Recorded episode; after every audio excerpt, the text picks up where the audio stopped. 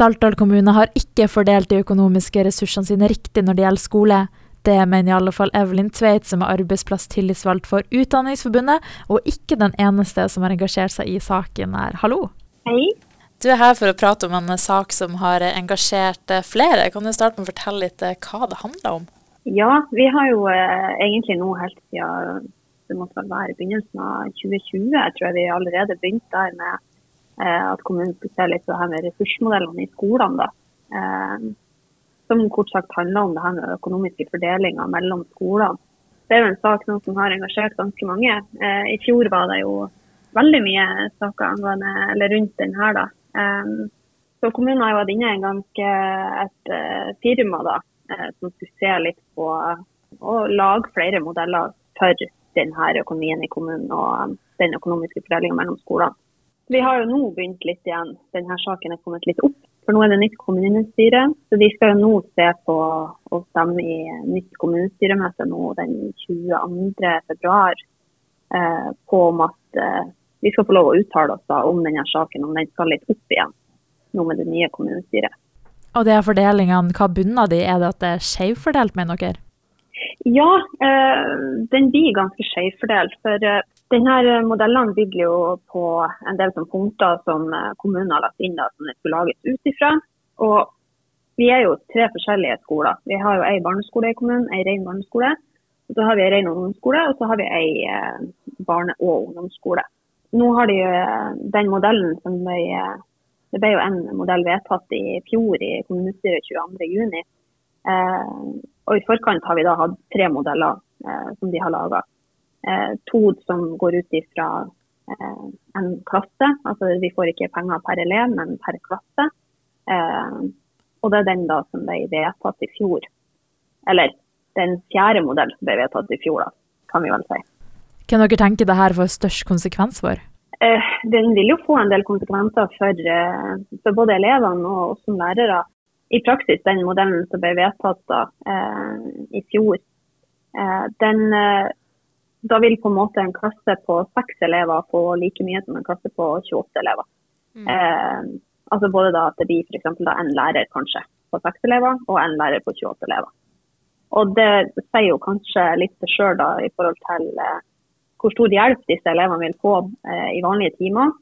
Eh, men også da på arbeidsmengden for en lærer.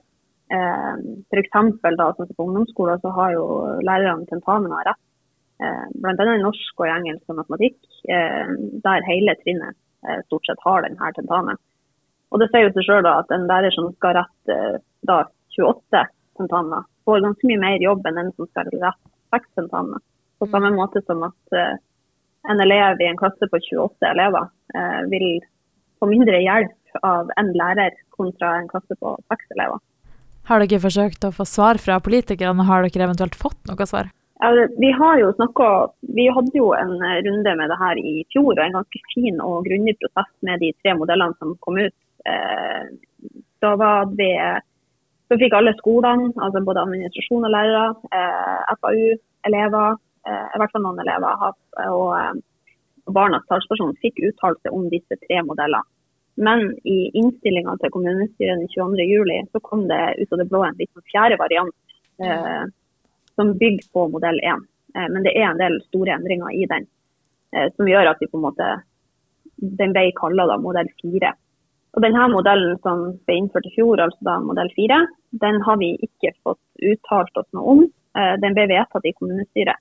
Det sier seg selv at I den innstillinga som kom en dag eller et par dager før, og så til det da ble vedtatt den modellen 22.6, så fikk vi ikke akkurat noe tid til å forberede oss på noen uttalelser og fikk heller ikke komme med noen uttalelser i forkant til det kommunestyremøtet. Vet dere noe om bakgrunnen for hvorfor de har valgt å fordele ressursene på det viset? Eh, blant annet så er jo et av de eh, det som skulle være, det var det at en én til ti skoler skulle være fulldelt, altså ikke fådelt. For de har jo hatt litt sammenslåinger i klasser tidligere. Eh, men de ønsker jo selvfølgelig da å være fulldelt. Så på bakgrunn av at de ønsker å være fulldelt, så ble jo det her ble vel egentlig den modellen det vedtatt det kommer jo fram i uttalelsene, bl.a. fra eh, altså flere av uttalelsene, både ehm, fra barnas talspersoner fra ehm, skoler, så kommer det fram at, eh, i de høringene og i uttalelsene i forkant av de tre første modellene, da, så kommer det fram egentlig at ingen av disse modellene er brukbare. Eh, altså I flere av uttalelsene så står det at uh, ikke, de mener at den ikke er brukbar.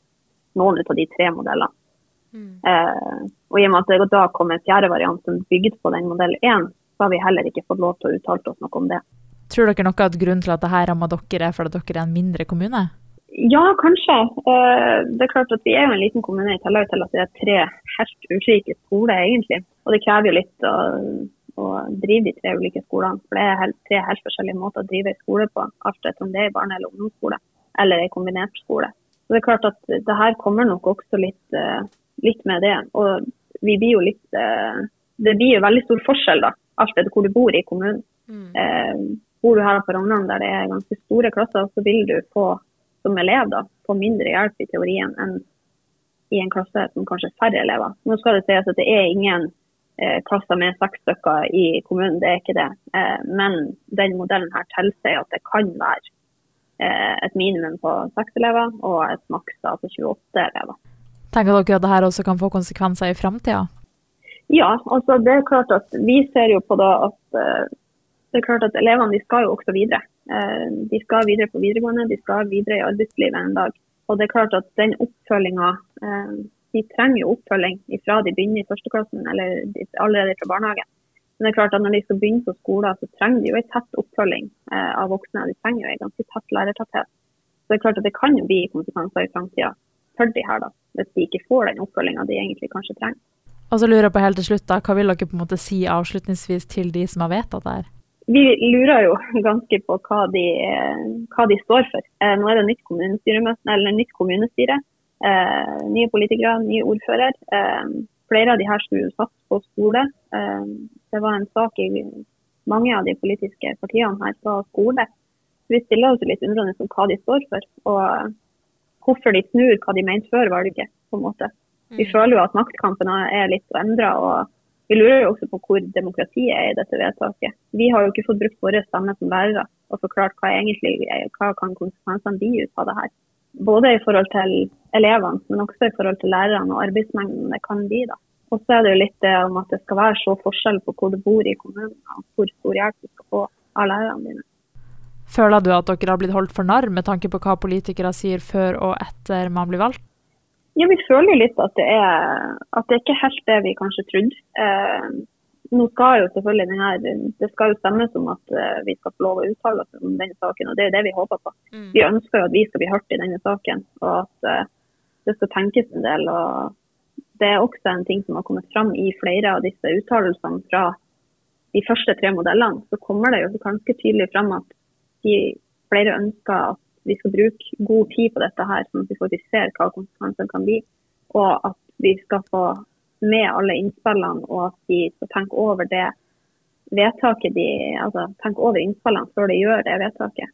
Mm. Så Derfor blir det jo litt sånn når denne, det vedtaket som skjedde i juni i fjor, med den fjerde varianten da, som bygger på modell 1, så blir vi jo litt sånn Er alt det arbeidet vi gjorde fra de forrige uttalelsene, er det bare noe vi ikke har trengt? vi ønsker jo å kunne uttale oss om det som får konsekvenser for både vår jobb som lærere, men også ungene i kommunen. Da får dere ha lykke til i kampen videre, og så takk for at du stilte til en prat. Jo, tusen takk.